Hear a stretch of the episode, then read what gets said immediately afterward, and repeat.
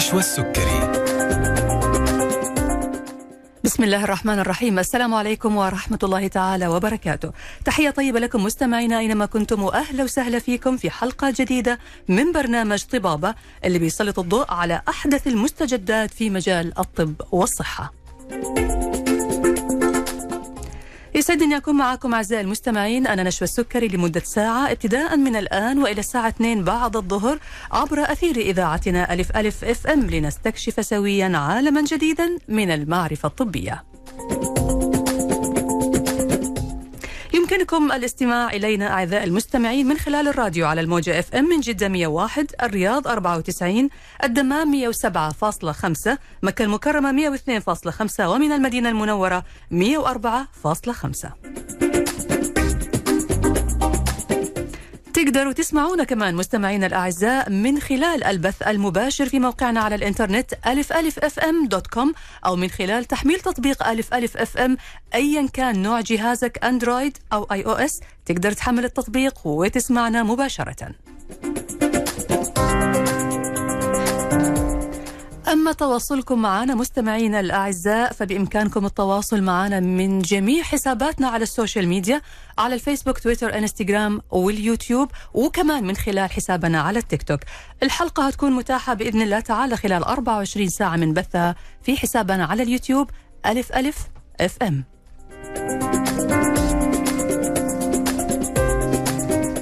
اللي حاب يتواصل معنا مباشرة ممكن تتواصلوا معنا من خلال الاتصال على هاتف البرنامج 012 61 61 100 ورسائلكم على الواتس 055 66 89 01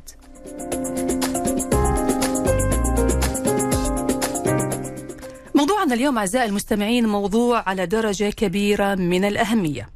هل تعلم عزيزي المستمع أنه يتم إجراء أكثر من 20 مليون منظار طبي في الولايات المتحدة كل عام؟ كيف ساهمت المناظير الطبية في اكتشاف وتشخيص الكثير من المشاكل الصحية المعقدة والأمراض دون الحاجة إلى إجراء جراحة كاملة؟ هل تريد معرفة المزيد عن المناظير واستخداماتها في المجال الطبي؟ كيف يكون الفحص المبكر وسيلة ناجحة لإنقاذ حياة إنسان وتحديدا لمرضى سرطان القولون وأمراض الجهاز الهضمي وباستخدام المناظير. في حلقة اليوم هنتكلم عن استخدامات المناظير في التشخيص والعلاج والجراحة وأهميتها في الاكتشاف المبكر للأمراض والتقنيات الحديثة المستخدمة في مجال المناظير والمتوفرة بفضل الله تعالى داخل المملكة.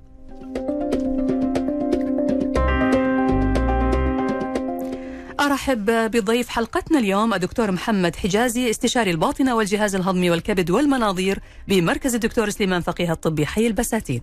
السلام عليكم ورحمة الله. وعليكم السلام. إن شاء الله يكون إن شاء الله يوم خفيف مفيد على جميع المستمعين في على إذاعة ألف ألف. إن شاء الله يا دكتور. شرفنا بمعرفتكم إن شاء الله. الله يسلمك وإحنا تشرفنا بوجودك معنا في حلقة اليوم من. طبابة. وأتمنى أنه الرسالة اللي إحنا اليوم وحضرتك تحديدا حريص على إيصالها وقلت لي يمكن قبل الهوى أنه إحنا حابين الناس نوعيها في موضوع الفحص المبكر واكتشاف الأمراض المبكر. صحيح. وهذه حاجة مهمة. طبعا الإحصاءات أكيد بتقول أرقام معينة وهذا اللي بيخلي ناقوس أو إنذار الخطر يشتغل علشان نعرف الناس. إحنا ترى مو هدفنا نشر السلبية ولا هدفنا إنه إحنا نخوف الناس ولا الهدف إنه الناس تبدأ تقلق وتقولوا أنتم بتعطونك. بالعكس الهدف هو إنقاذ الحياة. الهدف إنه إحنا نعيش حياتنا بجودة وبصحة عالية ونكون قادرين على الإنتاج. طبعا كل شيء أولا وأخيرا بأمر الله سبحانه وتعالى. ما في شيء ابدا يعني لنا دخل فيه. كل شيء مقدر من الله. لكن علينا أخذ بالأسباب وحلقتنا اليوم في هذا الشأن مع الدكتور محمد حجازي. بداية يا دكتور يعني خلينا نقول أهمية الفحص المبكر بعيدا عن السلبية والتشاؤم والأشياء هذه كلها أهميته في إنقاذ حياة الإنسان. طيب مبدئيا إحنا نتكلم على الفحص المبكر هو الغالب الفحص المبكر غالبا يكون لأمراض سرطان القولون. فلما بنتكلم مبدئيا على سرطان القولون عشان يكون شوية معنا صورة أوضح عن سرطان القولون آه وعن العوارض اللي ممكن يشوفها الم... العوارض اللي ممكن يتعرض لها المريض اللي ممكن زي ما تقول ينقص الخطر. هل هو عنده مشاكل؟ هل يحتاج يروح لدكتور ولا لا؟ فنبدأ هو إيش سرطان القولون. هي تغيرات وطفرات جينية بتصير أحيانا في خلايا القولون وغالبا في اللحميات والزوائد هذه الطفرات إيش بتسوي مم. بتزيد من حجم اللحميات والزوائد نعم بتسارع في نموها وممكن تعمل تبدأ التغيرات السرطانية نعم طيب كيف يتم الاكتشاف عنها؟ إيش العوارض اللي ممكن نتكلم عليها عشان يشفيها المريض؟ في مراحلها المبكرة ممكن الإنسان ما يشتكي من أي حاجة مهم. وعشان كده إحنا هو اللي عندنا الفحص المبكر جدا مهم. نعم. فالعوارض ممكن يشتكي منها يراجع فيها ال- المراجع أو المريض على المستشفى. زي يكون عنده مثلا إمساك شديد خاصة في كبار السن. مم. أو لا سمح الله يقول لك والله أنا لاحظت إنه عندي دم مع البراز سواء كان مستمر أو متقطع. نعم. هذا شيء ثاني. في أشياء ثانية زي مثلا يقول لك والله عندي ألم شديد ألم شديد في البطن خاصة برضو في الأعمار اللي تتجاوز العمر 30 سنة. الألم هذا ما هو مزمن ألم شديد مفاجئ. جديد علي. مم. ما هو أول مرة. ما هو من وأنا صغير عندي ذا الألم. مو أول لا ألم شديد مفاجئ غريب. ما هو أول مرة يكون معايا. هنا برضو هذه الأشياء من العلامات اللي إحنا نبدا نقلق منها. فقدان الشهية نزول حاد في الوزن. مم. هذه كلها أسباب خاصة عند كبار السن. هذه طبعا كلها أسباب تبدأ وقتها إحنا إيش؟ نحاول نطمن إنه هذا لا سمح الله ما هي علامات بداية أشياء نحتاج نعالجها. طيب حضرتك الآن ذكرت لي الأعراض ومعنى كذا أنه هذا المرض صار فعليا أصيب فيه الإنسان. بالضبط. هل في مؤشرات يا دكتور قبل الإصابة ممكن الإنسان يستشعرها وبناء عليها يقدر يعني ياخذ احتياطاته هي ما في مؤشرات كمؤشرات بس في عوامل ممكن وقتها الإنسان ياخذ الحذر. نعم. زي أولها التاريخ العائلي. نعم. فالتاريخ العائلي الافراد فعادة إيش التاريخ العائلي؟ مثلا في أحد من الأفراد العائلة هم الدرجة الأولى. مم. زي الوالد، الوالدة، الأخوان. نعم. الله يحفظ الجميع طبعا. اللي يكون عنده مثلا تاريخ عائلي إنه كان عنده قولون عنده سرطان في القولون هذه أول العلامات اللي إحنا وقتها نبدا نبدأ نقلق. نعم. خاصة إنه إيش ونحتاج وهذا ننصح بالفحص المبكر حتى من قبل العوارض. هذا أول شيء. هذا بشكل دوري لازم يعمل فحص دا يعني دائما. صحيح. أي نعم. هذا يكون بصقر نعم. نعم دكتور. هذا الشخص اللي ما عنده تاريخ عائلي لازم يكون يعني عنده احتياط وقاية لأنه قد يكون معرض لا قدر الله. صحيح. نعم. طيب غير غير هذه النقطة يا دكتور كمان إيش المؤشرات؟ المؤشرات الثانية زي العوارض اللي قلنا عليها في ناس بعض الناس يكون برضهم عندهم سوى منظار قبل كده الاسباب من الأسباب. أكتشفوا إنه بالصدفة عنده لحميات في القولون. هذه نقطة مهمة دكتور. صحيح. مم. هذا برضو ممكن يكون عرضة لا قدر الله لل- لسرطان القولون. بالضبط. نعم. طيب إحنا الآن يا دكتور بنتكلم عن المؤشرات. هل في عوامل خطر معينة دكتور ممكن تخلي بعض الأشخاص معرضين لخطر أو للإصابة أكثر من غيرهم غير طبعا التاريخ العائلي والأشياء هذه. يعني مثلا كنظام حياة كأكل كتدخين الأشياء هذه كلها. طبعا التدخين عامل من العوامل اللي دائما يكون متواجد في هذا الشيء. مم. الشيء الثاني اللي هو إيش النظام الغذائي أو السلوكيات الغذائية. مم. طبعا زي إيش؟ السلوكيات الغذائية اللي هم يكون الإفراط في أكل اللحوم اللحوم الحمراء. اللحوم الحمراء. اللحوم المصنعة بشكل يومي. نعم. التقليل من الألياف الخضروات والفواكه في أكلنا. هذه برضو من الأسباب اللي جدا إحنا لازم ننتبه فيها. مهم. تمام. طبعا هي لا تمنع بس في نفس الوقت تقلل من احتمال الإصابة. تقلل من احتمال الإصابة. يعني حضرتك تذك- تذكر أو تقول أنه آه الاهتمام بالنظام الغذائي الابتعاد عن التدخين الأشياء هذه ما تمنع لكن تخلي الإنسان بعيد عن التعرض للإصابة لهذا المرض إذا ما في تاريخ عائلي أو قصص أو بالضبط. أشياء ثانية. طيب الآن حضرتك بتؤكد على الفحص المبكر وأهميته. متى يكون الفحص المبكر ولماذا تنصحون في الفحص المبكر بعض الناس يقول لك يا أخي أنا عايش حياتي مرتاح ليش تخليني. أوسوس وأقلق وأروح وتجيبوا لي أمراض وأضل كل ما جات كل ما عطست فكرت أنه أنا عندي شيء في الرئة كل ما جاني الله يكرمكم إمساك قلت أنا عندي صحيح فخلينا صحيح. نتكلم في هذه النقطة طيب يعني إحنا ليش أول حاجة نتكلم على الفحص المبكر؟ مم. لأنه لو نتكلم سرطان القولون يعتبر رقم واحد بين الرجال في المملكة ورقم نسبة. اثنين بين النساء نسبة كبيرة وهذه إحصائية عالية مم. هل في إحصائيات بأعداد المصابين يا دكتور ولا كاحصائيات دقيقة ما, ما هي. موجودة كاعداد المصابين بس هذه الإحصائيات إنه رقم واحد هذه بين رقم الرجال نعم. ورقم اثنين بين النساء مم. فهذه نسبة جدا عالية مم. فهذه من الأسباب اللي إيش؟ بدأت تصير فيها الجمعيات. الجمعية السعودية لأمراض الجهاز الهضمي والجمعيات الأوروبية والأمريكية مم. صارت تنصح بأعمار معينة للفحص المبكر سواء عنده عوارض أو ما عنده أي عوارض اللي هو متى سن ال 45 سن ال في 45 السابق كان في سن ال 50 نعم بس الآن الحين نزل. صار ال 45 يعني أصبح بسبب. ازدياد عدد الحالات. بسبب ازدياد عدد الحالة فلازم يعمل فحص مبكر وقائي للاطمئنان سواء. في أعراض أو ما في أعراض. بالضبط. جميل. هعرف من حضرتك يا دكتور كيف بيتم الفحص المبكر؟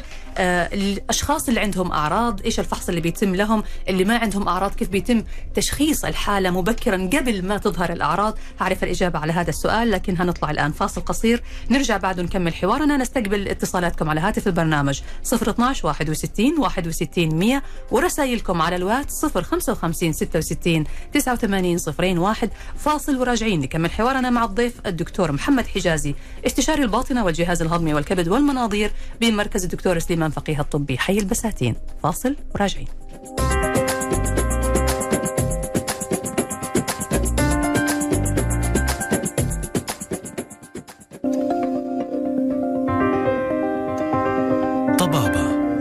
مع نشوى السكري حياكم الله من جديد مستمعينا وأهلا وسهلا فيكم مرة ثانية في طبابة على ألف ألف أف أم ومع ضيف حلقتنا الدكتور محمد حجازي استشاري الباطنة والجهاز الهضمي والكبد والمناظير بمركز الدكتور سليمان فقيه الطبي حي البساتين. موضوعنا اليوم عن الفحص المبكر لسرطان القولون واستخدامات المناظير في اكتشاف وتشخيص الأمراض بشكل مبكر وتحديدا سرطان القولون. لازلنا نستقبل اتصالاتكم على هاتف البرنامج 012 61 61 100 ورسائلكم على الواتس 055 66 89 صفرين واحد. أحييك دكتور محمد مرة ثانية وأهلا الله وسهلا. يحييك. الله يسلمك.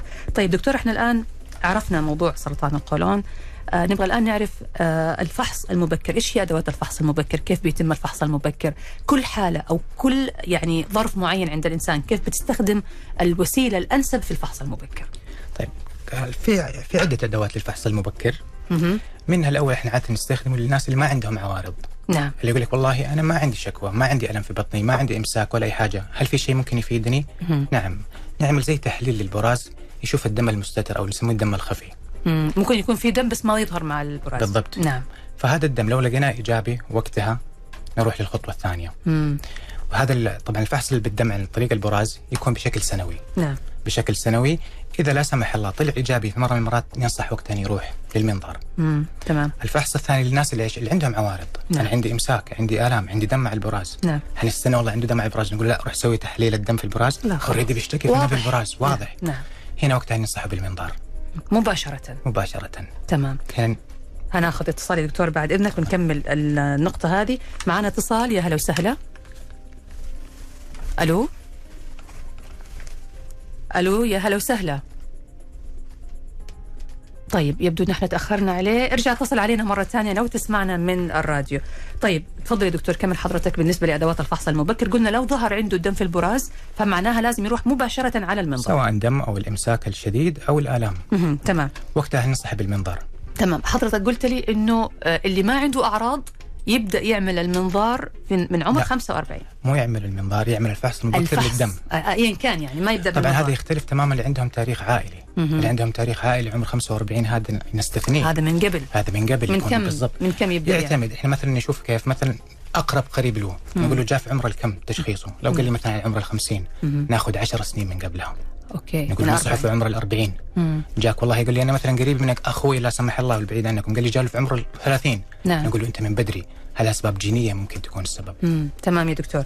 طيب آه يعني حضرتك برضو بتأكد على أنه نسب الإصابة بسرطان القولون مرتفعة؟ وبتأكد على أنه استخدام المنظار في التشخيص ناجح جدا أنه بيعرف ال- المريض وبيعرف الطبيب الحالة بالضبط ومراحلها. لأي مدى دكتور المنظار بي بيعطينا تشخيص دقيق للإصابة وكيف بتتم عملية المنظار؟ طيب. حنتكلم عن عملية المنظار بس عشان نتكلم إيش الفائده من المنظار المبكر. مم. طبعا سرطان القولون سرطان القولون الاكتشاف المبكر يعني كيف أقول لك الاكتشاف المبكر لي يغني عن عمليات جراحية. مم. يغني ممكن عن العلاج الكيمائي أو الإشعاعي. فعلا؟ لأنه نسبة الص- بالفعل. لو. اكتشفناه مبكر ممكن استئصاله يكون يتم عن طريق المنظار. آه بالجراحة فقط؟ حتى مو جراحة بالمنظار. بالمنظار. بالمنظار. يعني خلال الإجراء البسيط هذا اللي إحنا نسويه في 10 دقائق ربع ساعة. أيوه. شفنا الشيء استأصلناه. يعني دكتور حضرتك تقصد لو الشخص أصيب بسرطان القولون في مرحلة مبكرة جدا من البدايات ممكن ما يحتاج لا إشعاعي ولا كيماوي ولا جراحة عادية ممكن يتم استئصال الورم بالمنظار؟ بالضبط. ممتاز. طيب. عشان كذا هذا هو هذا هو الأهم شيء. مم. إنه سرطان القولون بسبب اكتشافه المتأخر يعتبر برضو ثاني سبب من ال- السرطانات هذه المؤدية للوفاة. يا ساتر. فالكشف المبكر جدا مهم ممكن يغني تماما عن عملية جراحية أو عن علاج كيماوي أو إشعاعي. مم. تمام. طيب إحنا الآن بنتكلم عن منظار استكشافي أو منظار تشخيصي وبنتكلم عن منظار جراحي. علاج إيش الم... أو العلاجي يعني. إيش هو المنظار يا دكتور أصلا؟ طيب هو طبعا في بعض الناس ما يعرفوا إيش المنظار أو نعم. يتخوفوا من كلمة منظار مهم. أو بعض الناس يتخوفوا مو من المنظار من التخدير اللي في المنظار. مم. نعم. فطبعا يعني المنظار هو أيوه دكتور. المنظار بصفة عامة إجراء ما هو جراحي. حيحتاج تخدير نعم. التخدير ما هو التخدير اللي إحنا نعتبره تخدير العمليات الجراحية. مهم. نسميه ال deep sedation أو التخدير العميق. نعم. فالإجراء بصفة عامة ياخذ معنا ربع ساعة لثلث ساعة. في المنظار. في المنظار. لكن ما يكون ما يكون تخدير كلي يعني؟ ما يكون بناء تخدير كلي يكون المريض نايم المهدئ. ما يحس بألم مهدئ ديب. بعض الحالات يكونوا نايمين في بعض الحالات يكون يقول لك والله أنا كنت بفتح عيني بس أنا ماني حاسس بأي حاجة. مم، ممتاز. طبعا عندنا في مستشفى سليمان فقيه سواء بفرع البساتين أو سواء الفرع الرئيسي عندنا احدث الأجهزة بالاجهزه التقنيات وفي عندنا الاستشاريين من نخبة من الاستشاريين اللي المتواجدين دائما ونخبة من الاستشاريين التخدير. طبعا اللي بيقيموا حالة المريض قبل الإجراء المنظار أو أو قبل التخدير. يعني هو بناء على حالة المريض بيتم اختيار نوع التخدير المناسب. بالضبط. هل يحتاج طبعا المريض هذا قبل التخدير؟ يعني يعتبر مثلا اللي هم مثلا ما عندهم أمراض مزمنة زي مم. أمراض في القلب أمراض في الكلى. نعم. هذول في هذول في الصفة عامة التخدير حقهم يكون أسهل. ما يحتاج تقييم ما قبل المنظار. نعم. يعني ما يحتاج مثلا تصوير للقلب أشعة للقلب تقييم قبل الإجراء نوع التخدير كمان يفرق معاهم. أكيد. فهذا الاشياء فهذا هذا يتم تقييمهم عن طريق دكاترة التخدير قبل الإجراء. مهم. وزي ما قلنا الإجراء طبعا ياخذ ربع ساعة ثلث ساعة. نخش بالمنظار. ندخل على المنظار. نخش بالمنظار. طبعا إحنا قلنا المنظار المنظار هو جهاز تقريبا نعتبر القولون بصفة عامة اللي هو الأمعاء الغليظة طوله تقريبا متر ونص. نعم. فهو جهاز نعم. متر ونص. مم. بالضبط متر ونص. فالجهاز تقريبا طوله متر ونص وشوية. نعم. فليكسبل يعني هو مرن عشان نقدر نخش داخل القولون ونشوف داخل القولون. تمام. طبعا القولون يكون طبعا قبل الإجراء التحليل القولون في تحضيرات معينة. التحضيرات هذه ياخذ عن عبارة أشياء ياخذها قبل يوم التحضير قبل يوم المنظار ياخذ تحضيرات تساعد الله يكرمك على إخراج البراز عشان يكون القولون نظيف ونشوف حتى اللحميات البسيطة اللي ممكن نستأصلها خلال الإجراء. حضرتك بتتكلم هنا الآن عن المنظار طبعا أنا أعرف أن المنظار بيتم إما من عن طريق الفم صحيح. من منظار اللي هو الشرجي صحيح. بالنسبة لو نتكلم على الطريقة عن طريق الفم هذا إجراء ثاني تماما ما يكون له تحضيرات يكون بس في الأغلب نقول لهم يمتنع أو إنه يصوم 12 ساعة عن الأكل. وست ساعات عن السوائل مم. فقط والاجراء عاده يكون حق ال- المنظار العلوي أسرع أو يكون خلال خمسة سبع دقائق يكون إلا إذا احتجنا أي تدخل في وقت المنظار. تمام أما بالمنظار السفلي اللي كنا نتكلم عليه سواء التحضيرات أو التخدير بياخذ معنا قلنا ثلث ساعة يكون من فتح الشرج إلى الجزء الأيمن. خلال المنظار نحاول نكتشف جدار القولون، هل في لحميات ممكن استئصالها في نفس الوقت؟ هل في أسباب معينة للآلام اللي بيشتكي منها غير إنها تكون لحميات أو لا سمح الله إنها ورم؟ هل هي نتوءات؟ هل هي التهابات؟ إذا احتجنا ناخذ عينات وقت المنظار ونخرج بعدها على طول. طيب. المنظار الشرجي يحتاج تحضير مختلف عن المنظار عن طريق الفم. طبعا. إيش اللي هي الأشياء الزيادة يعني أو الزيادة؟ حيأخذ أشياء مواد هي زي حيأخذ زي أدوية مم. عن طريق الفم تساعد على دخول الحمام انها كالملينات عشان يفضي برضو منطقة المستقيم. بالضبط. تماما. تماما. مم. فالمنظار هو حيكون شايف من الشرج المستقيم الجزء اللي إحنا نسميه السيني المستعرض إلى الجزء الأيمن كامل. نعم. يعني القولون بالكامل من جميع. بالكامل. نعم. طيب حضرتك الآن قلت بتدخلوا بالمنظار. بيتم بتخدير آه، مهدئ تخدير اللي هو ما هو التخدير ال- الكلي التخدير البسيط هو ما هذا. يعتبر حتى يعتبر إنه ديب المريض ما يحس بأي حاجة مجرد مهدئ. أو ممكن يختلف ترى من مركز لمركز أو من مستشفى لمستشفى. بس عندكم أنتم بتستخدموا هذا. الأسلوب وهذه الطريقة. بالضبط. تمام. كم مدة المنظار؟ قلت لي 10 إلى 15 دقيقة. 15 دقيقة ثلث ساعة في الغالب. تمام. المريض يحتاج تنويم في المستشفى ساعتها؟ لا. يعتمد على حالة المريض. هل هو متنوم لأسباب معينة؟ مم. هذا شيء ثاني. أو أنه لما جاي كان بفحص عادي وجاي طالب منظار في الأغلب يأخذ معه تقريبا ساعة واحدة وراجع بيته. سواء من التخدير من الإفاقة ساعة يرجع البيت. ويقدر يرجع يمارس حياته بشكل طبيعي. بس هنا ننصح أنه طبعا لا يجي لوحده ما نمنع أنه يسوق.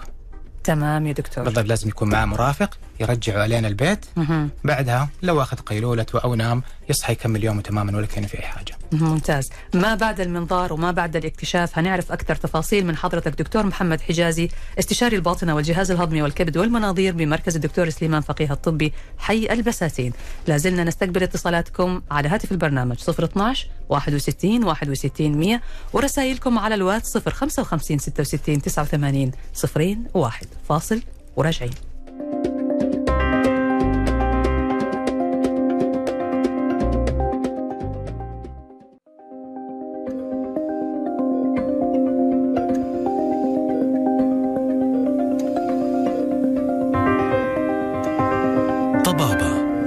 مع نشوى السكري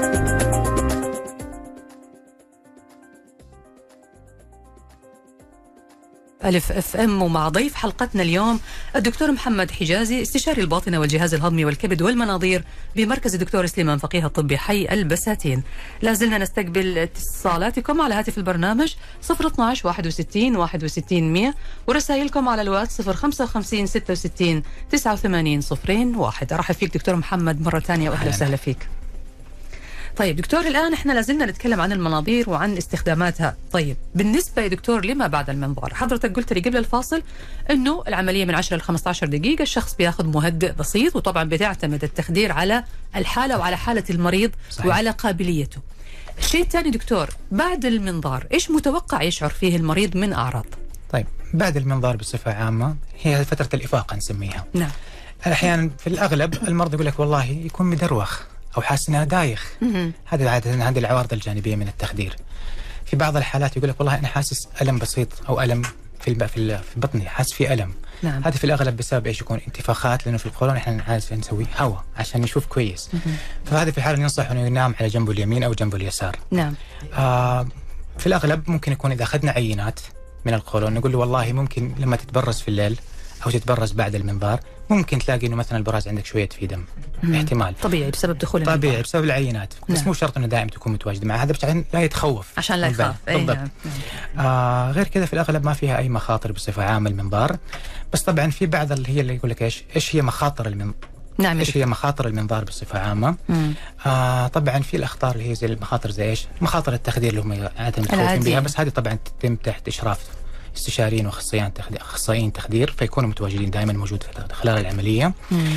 طبعا في شيء يعني كيف أقول لك أغلب المرضى يسألوني عليه يقروه في النت أو في جوجل يكونوا مستغربين منه أو يتخوفوا منه عشان يقول لك أنا كذا ما حسوي المنظار. ليش؟ إيش هو؟ يقول لك في حاجة اسمها إيش هو ثقب القولون؟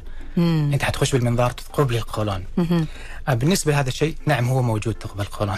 موجود موجود بس أيوه. نسبته إذا حتتراوح تقول حتى ما أقدر أقول 1% مم. ولا يعني أقل من 1% نقدر نقول في المية مم. يعني ممكن يا دكتور هذا يصير ليش؟ هذا يصير ليش؟ يصير إيه. لأسباب معينة، أحيانا يكون يكون عنده المريض أصلا تضيقات في القولون آه. أو يكون مثلا سوى إجراء في القولون زي انه استأصل كتلة كبيرة مم. أو شاف إنه لحمية كبيرة استأصلها، ممكن يصير معاه هذا الثقب. مم. بس في اغلب الأحيان إحنا نطمنهم إنه هذا الشيء ممكن في خلال الإجراء نفسه في خلال المنظار. نقفل الثقب.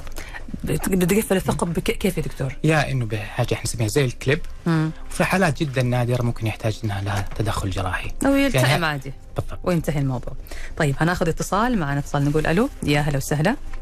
السلام عليكم وعليكم السلام ورحمة الله حياك الله تفضلي مين معي؟ أم محمد حياكم أم محمد تفضلي سؤالك أختي. آه، أنا سويت منظار للقولون وطلع عندي لحمية شوية كبيرة ولما حللوها قالوا عندك آه، بداية خلايا متحولة ومن الكلام اللي قالوا لي أنت جيتي في الوقت المناسب وقالوا لي لازم بعد أربعة شهور خمسة شهور تعيدي المنظار مرة ثانية. فبدي أستفسر عن هذه النقطة يعني ممكن يكون يعني في شيء لا سمح الله حيطلع يعني ماني فاهمة أنا لا ما فهموني الموضوع كبير كثير يعني السلام عليكم. أعرف رؤية الدكتور يعني ألف سلام عليك. طيب تفضلي دكتور لو في سؤال. السلام عليكم يا أم محمد. الله يسلمك ألف سلام عليك أول شيء. الله يسلمك يا رب طيب آه، والحمد لله إنك سويت الفحص المبكر واستأصلتيها من بدايتها. بس هو السؤال كم كان حجم اللحميه اللي شالوا لك هي؟ وهل كانت لوحدة ولا أكثر من وحدة؟ تفرق تماما. والله والله أنا ما شفتها بس الأولاد شافوها. أنا عمري في الخمسة وستين. مهم. الأولاد قالوا لي شوية كبيرة. لأنه هنا يختلف، إحنا عندنا في أحجام معينة، ما أقل من واحد سنتيمتر لها علاجات معينة ولها طرق تتا- نتابعها بصفه يعني يقول لك كل ثلاث سنين لخمس سنين، وفي بعض الحالات إذا كانت أكبر من حجم واحد عادة ممكن يتابعهم إذا كانت ال- على حسب الخلايا نفسها أو ح- نتيجة العينة فأنا أحتاج عشان أكون معك دقيق لإجابتي أعرف إيش نتيجة العينة. قالوا لي بداية خلايا متحولة هذا الكلام اللي قالوا لي أيوه هي في الحين عند بداية خلايا مت... شو اسمه متحولة بس هل لها امتداد معين؟ هل هي واصلة لجزء معين؟ عشان كذا قال لك ليش قال لك ثلاثة شهور لستة شهور؟ ليش ما قال لك ثلاث. سنوات؟ يختلف معانا العينات، فعلى أساس العينات أنا حقول لك والله تحتاج تعيدي منظار بعد ثلاثة شهور عشان نتأكد وناخذ عينات من حوالين المنطقة اللي استأصلوها أو حتحتاج تعيديها كل ثلاث سنين لخمس سنين. دكتور أنا سويتها في مستشفى سليمان الحبيب في الرياض. طب ممكن أجي لحضرتك يعني بعد أربع شهور أسويها عندك؟ الله يحييكي بالفعل تعالي. بس خليك يعني إنك عندي ترفقي معاكي؟ بس أتمنى إن تكون معايا كل النتائج موجودة معك سواء المنظار أو نتائج العينات. الحين في مستشفى زمان الحبيب كل التحاليل وكل شيء موجود على الموقع على طول بالجوال كل شيء تبغى أدويتي علاجاتي التحليل كل كل شيء موجود على. يعني جوالات الأولاد كلها فيها الفحوصات حقتي. ممتاز. كل ممتاز. شيء على طول تطلع لك. ممتاز. ممتاز. يعني. طيب وممكن تتواصلي مع المنسق يا دكتور عندك في بالضبط. العيادة أو شيء ويرتب لكم موعد وتجي؟ الله يحييك الدكتور ما يتأخر ابدا. وألف سلام عليكم ام محمد. وهذا اللي إحنا كنا نقوله يا دكتور. يعني آه، أخت ال- أم محمد هي نموذج. حضرتك يمكن ذكرت الكلام وذكرت الحالة هذه بالضبط. قلت صحيح. اللي بيعمل الفحص المبكر وبيكتشف لا قدر الله هذه الخلايا المتحولة في بدايتها بيتم استئصالها وانتهى الموضوع. بالضبط. في ناس بيتركوها تتحول أكثر تكبر أكثر. تاثر تأثر. تكفل تنتشر. تنتشر. هذا اللي يصير. هنا الخطورة. فهنا عندنا مثلا حالة أم محمد هذه بالضبط إحنا ممكن نقول إيش؟ تعالجت بالمنظار الحمد لله. فقط. الحمد لله. يعني نقدر نقول إنها حالتها مم. تعالجت بالمنظار يمكن ما حتحتاج بعد كذا لا تدخل جراحي ولا تدخل كيماوي ولا إشعاعي. فهذه هي الفحص المبكر أو ما هو إيش اللي خلانا بعد كذا ما نروح لأي خطوات ثانية تمام. حضرتك ذكرت حاجة مهمة في ردك على الأخت أم محمد لما تكلم عن اللحمية. تقول أنه حجم اللحمية بيحدد أشياء كثيرة في إجراءات ما بعد المنظار. مم. أشرح لنا هذه النقطة يا دكتور. يعني في اللحميات تختلف على حسب أنواعها. نعم. على حسب أنواعها اللي نشوفها تحت المجهر مم. على حسب نوعها هل تحتاج متابعة كل ثلاث سنين؟ أو كل خمس سنين. تمام. عدد اللحميات مم. حجم اللحميات. في بعض في بعض اللحميات لو مثلا تكون لعدد هائل يكون في بعض الناس يكون عدد عائل من اللحميات حتى ما نقدر نذكرها من التقرير. مم. في بعض الناس يكون عندهم لحميتين ثلاثة في الجزء الأيمن الجزء الأيسر. يختلف الخطة العلاجية. نعم. في بعضهم يحتاجوا كل سنة متابعة يصير. مم. في ناس كل ثلاث سنين في كل ناس كل خمس سنين. وفي الاغلب في الأغلب الحالات يكون تتراوح بين ثلاث سنين لخمس سنين لازم يعيدوا المنظار ونستأصل أي لحمية ممكن نشوفها لأنه اللحميات هذه ممكن إيش؟ ترجع ثاني بترجع سواء تاني. في نفس المكان مم. أو في مكان ثاني مهم. فعشان كذا إحنا استأصلنا اللحمية ما حنقول له بعد كذا لا تراجع خلاص شلنا اللحمية لا تعال بعد ثلاثة لخمسة سنين عنده قابلية. اعتمادا إيه. عندك قابلية اللحمية الثانية هي تدخل. عبارة عن زوائد يعني دكتور زوائد. تطلع في جدار القولون من جوا بالضبط. هي الفكرة منها يصير ليش تحورات في الطفرات الجينية فيها أيوة. تتحول لخلايا سرطانية ها يعني إحنا إذا بنمنع السرطان أو بنجتثه من الجذر قبل من ما المرحلة الأولى. المرحلة الأولى تمام طيب آه، دكتور برضو بالنسبة للأشخاص اللي ما يصلح لهم المنظار مم. يعني إحنا نعرف إنه المنظار ناجح جدا في تشخيص الحالة لكن بالنسبة للأشخاص هل في بعض الحالات تقول ما يصلح معاه منظار لازم يكون في فحوصات ثانية. يعني في بعض الناس حالتهم الصحية ما تسمح إنهم يعملوا المنظار. امم أو إنه حالتهم في الوقت الحالي صعب عليهم المنظار. تمام. ممكن والله إذا في اشتباه لا سمح الله للاورام القولون ممكن عن طريق الأشعة. الأشعة. ممكن تساعد تماما. تمام. طيب هننتقل برضو دكتور لحاجة ثانية وهو يعني مرض منتشر عند كثير من الناس هو الارتجاع المريئي. ما أدري هل الارتجاع المريئي يمكن الكشف عنه من خلال المنظار ولا له أساليب ثانية في الفحص المبكر أو في, في طريقة التشخيص؟ هو يت- يتم عن طريق المنظار اكتشافه بس مم. في أغلب الحالات ما نحتاج لن نوصل لمرحله المنظار. مم. يعني عادة الحالات المعينه اللي تحتاج للارتجاع المريء المنظار الحالات اللي لا تستجيب للعلاج. نعم. أو لا تستجيب إحنا ما نقدر نقول حتى العلاج اللي إيش lifestyle modification أو التغيير من سلوكيات الحياة. نعم. لأنه عادة علاجهم نبدأ معاهم بسلوك تغير في سلوكيات الحياة. أدوية معينة عدم استجابتهم لهذه الأشياء ممكن نتوصل معاهم لمرحلة المنظار بعدها. تمام. طيب بالنسبة للارتجاع المريئي دكتور هو إيش بالضبط؟ وإيش أسبابه وإيش اللي بيشتكي منه المريض اللي عنده ارتجاع مريئي طيب هو مرض هو مرض التهاب ال- المريء الارتجاع الحمض الارتجاعي. نعم. زي اللي هو معروف بين الناس ارتجاع المريئي. طبعا هو اللي بيصير إنه في شو اسمه حمض المعدة يتم ارتجاعه في المريء. نعم. فيعمل التهابات حوالين المريء ويعمل التهابات في الغشاء المبطن للمعدة. نعم. فيصير المريض يحس في هذاك الوقت يجيك في العوارض يقول لك والله أنا حاسس بنار. ناس أحس بحرقان. أحس والله في ألم في صدري. في بعض الناس تجيهم بحالات ثانية سواء حتى كان اللي عندهم ربو أو هذا يقول لك أنا عندي كحة مزمنة أو أنا عندي الربو ما صار ينتظم دائما يكون عندي كحة. نعم. تغير في الصوت يقول لك أنا دائما أصحى من النوم عندي نحنحة صوتي متغير. في بعض الناس في حالات جدا نادرة برضو يجيهم زي التهابات في الإذن. نعم. هذه من الأسباب الارتجاعات اللي بتكون في حالات جدا شديدة.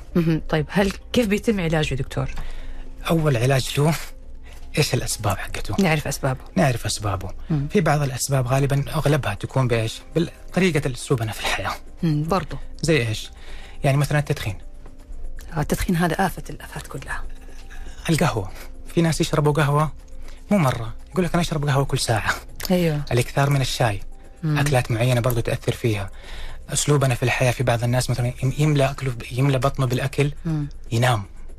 مهم. النوم بعد الأكل مباشرة. هذه برضه بأشياء من الأسباب أكلات معينة زي الشوكولاتات زي النعناع زي الطماطم هذه الأشياء كلها تعمل زي ارتخاء في عضلة المريء نعم. تساعد تساعد في موضوع الارتجاع نعم فإحنا إيش نقول لهم في الحالات هذه؟ حاولوا تخففوا من هذه الأشياء حاول تكون وجباتك ما هي كيف أقول لك تقلل الوجبات الدسمة لا تأكل وتنام مهم. إذا أنت والله تعبان راجع من الشغل يقول لك والله أنا حاكل وأنام أيوة. وياخذ الناب ويصحى من النوم يقول لك أنا حاسس بحرقان حاسس نار بحرقان. في صدري مم. واحد من اثنين يا إنك تاكل وتستنى ساعتين لثلاثة هذه الفترة يكون فيها الهضم شغال في المعدة أو إنه تاخذ كميات قليلة نام وبعدين كل آه نام الأول بعدين قوم نام بعدين كل أو أو. إنه مثلا يا دكتور يقلل كميات الأكل بالضبط. مثلا ياخذها على فترات يعني بدل ما ياخذ وجبة واحدة ويملى بطنه مرة صحيح. ممكن مثلا ياخذ وجبتين خفيفة كذا أو إنه واحدة من النصائح إنه مثلا لا تأكل وتنسدح مثلا لا تأكل هذا حاول انك تكون جالس ترفع في السرير كم مخدة مخدتين ثلاثة عشان لا تحس بالارتجاع. ننصحهم بهذه النصائح أول شيء. وبعدين نبدأ بالعلاجات اللي ممكن في الأدوية تمام. في أدوية كثيرة من أقواها مثلا زي مثبتات البروتون.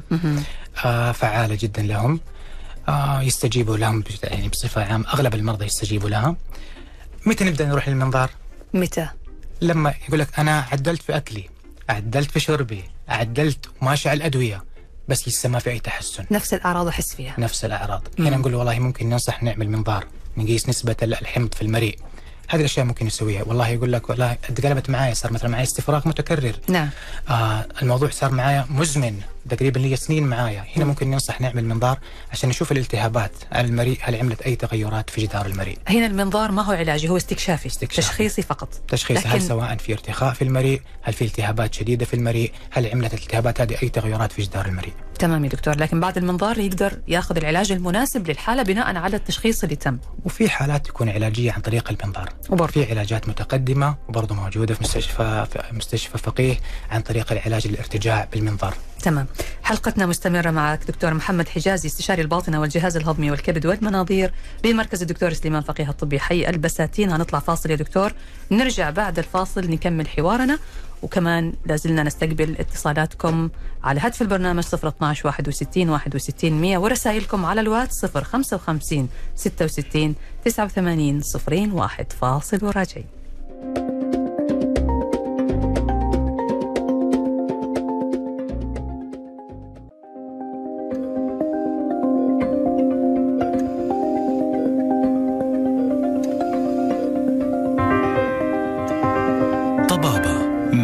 مع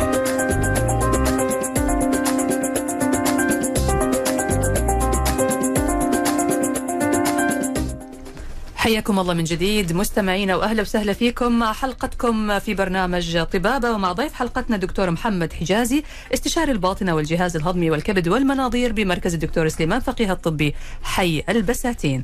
حياك الله دكتور محمد وأهلا وسهلا فيك مرة. ثانية. وصلنا دكتور للجزء الأخير من حلقتنا اليوم واللي طبعا موضوعها كان عن الفحص المبكر والمناظير خلينا الآن يا دكتور ناخذ بعض الأسئلة اللي جاتنا من المستمعين هناخذ أهم الأسئلة يعني آه في سؤال من الأخت أميرة تقول السلام عليكم. أنا أميرة عمري 44 سنة عندي قولون من سنين طويلة ودائما عندي إمساك. آه أحيانا الله يكرمكم ينزل دم قليل. هل يبغالي أسوي منظار؟ إيش نقول يا دكتور؟ إيش الرد؟ والله هي شوف الأشياء مثلا كيف قالت عندها إمساك من زمان.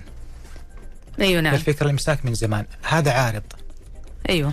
العارض الثاني دم في البراز. يعني هي عندها العارضين اللي يعني جابت. عرضين أنا قلت يحتاج نعم المنظار جدا ضروري يعتبر لها مم. نعرف هل أسباب ال- الآلام اللي موجودة عندها الإمساك الدم اللي نزل مع البراز هل بسبب لحميات مم. لا سمح الله بسبب آه، أورام أو بسبب أشياء ثانية مم. ممكن تكون مثلا بواسير داخلية ممكن زي ما قلنا جيوب أحيانا تلتهب تعمل إمساك مع الإمساك تعمل التهابات وينزل معاها دم. نعم. ففي جميع الحالات المنظار حيكون منظار جدا مفيد لتشخيص حالتها يعني حضرتك تنصحها إنها تروح طبعاً. تعمل منظار. هنا طبعا ما تحتاج تعمل التحاليل أو الفحوصات اللي لا. حضرتك ذكرتها. أنا خلاص already قاعد تقول أنا عندي دم في البراز. نعم نعم.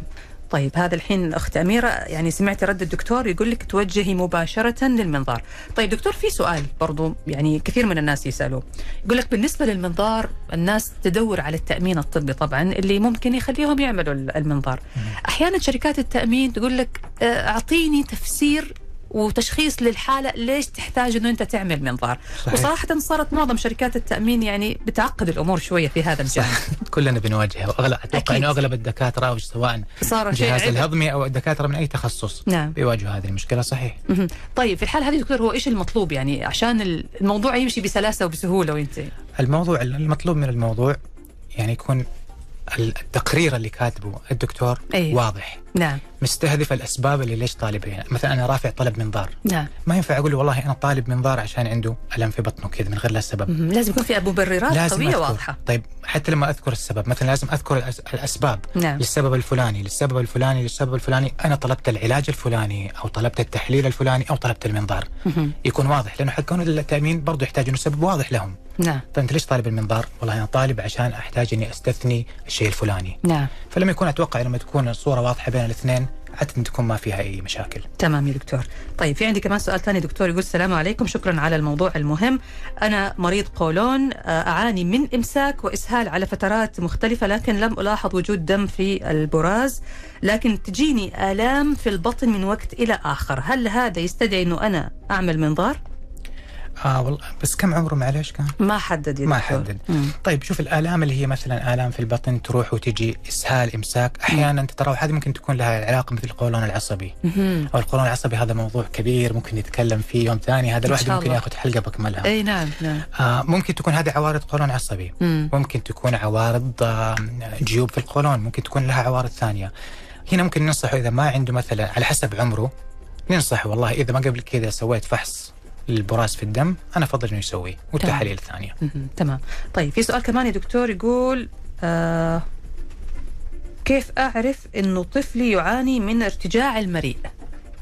آه هذا خارج تماما عن تخصص. هذا خارج عن هذا هذا مع. تخصص الأطفال غالبا. تمام. طيب في كمان يا دكتور سؤال آه يقول أصبت بجرثومة المعدة وقعدت فترة وقعدت أتعالج منها. آه كانت يعني كان العلاج أخذ معايا وقت طويل يبدو أنه ما كان ملتزم يمكن بال- بالعلاج. وتسببت عندي في قرحة في المعدة هل المنظار مهم وضروري عشان أكشف وأتعرف إذا القرحة لا زالت موجودة ولا لا أم يكتفى بالفحص بالأشعة؟ طيب برضو كان جدا مهم أن يفيدني. مكان القرحة فين؟ مم. وكم عمر المريض هذا أول شيء مم. يا جماعة اللي يرسل لنا طيب. كرما منكم بس حدد العمر كم وكمان لو تقدر توصف الحالة بشكل أدق عشان الدكتور يقدر يجاوبكم لو ممكن ترسلوا لنا بس استكمال لكن الآن الدكتور ممكن يجاوب على السؤال زي ما هو لأنه مثلا هو قاعد يقول عندي جرثومة المعدة مم. جرثومة المعدة سبب مباشر مم. لقرحة المعدة نعم يعني عندنا الأشياء اللي يعتبر هذا السبب مباشر سواء جرثومة المعدة أو الأدوية إحنا اللي نستخدمها لألام المفاصل والالتهابات الأغلبية اللي نستخدمها زي البروفين والأسبرين. مم. هذه من أغلب الأسباب المباشرة لقرحه المعدة. مهم. طيب هو السؤال هو اكتشف جرثومة المعدة بعد القرحة ولا قبل القرحة؟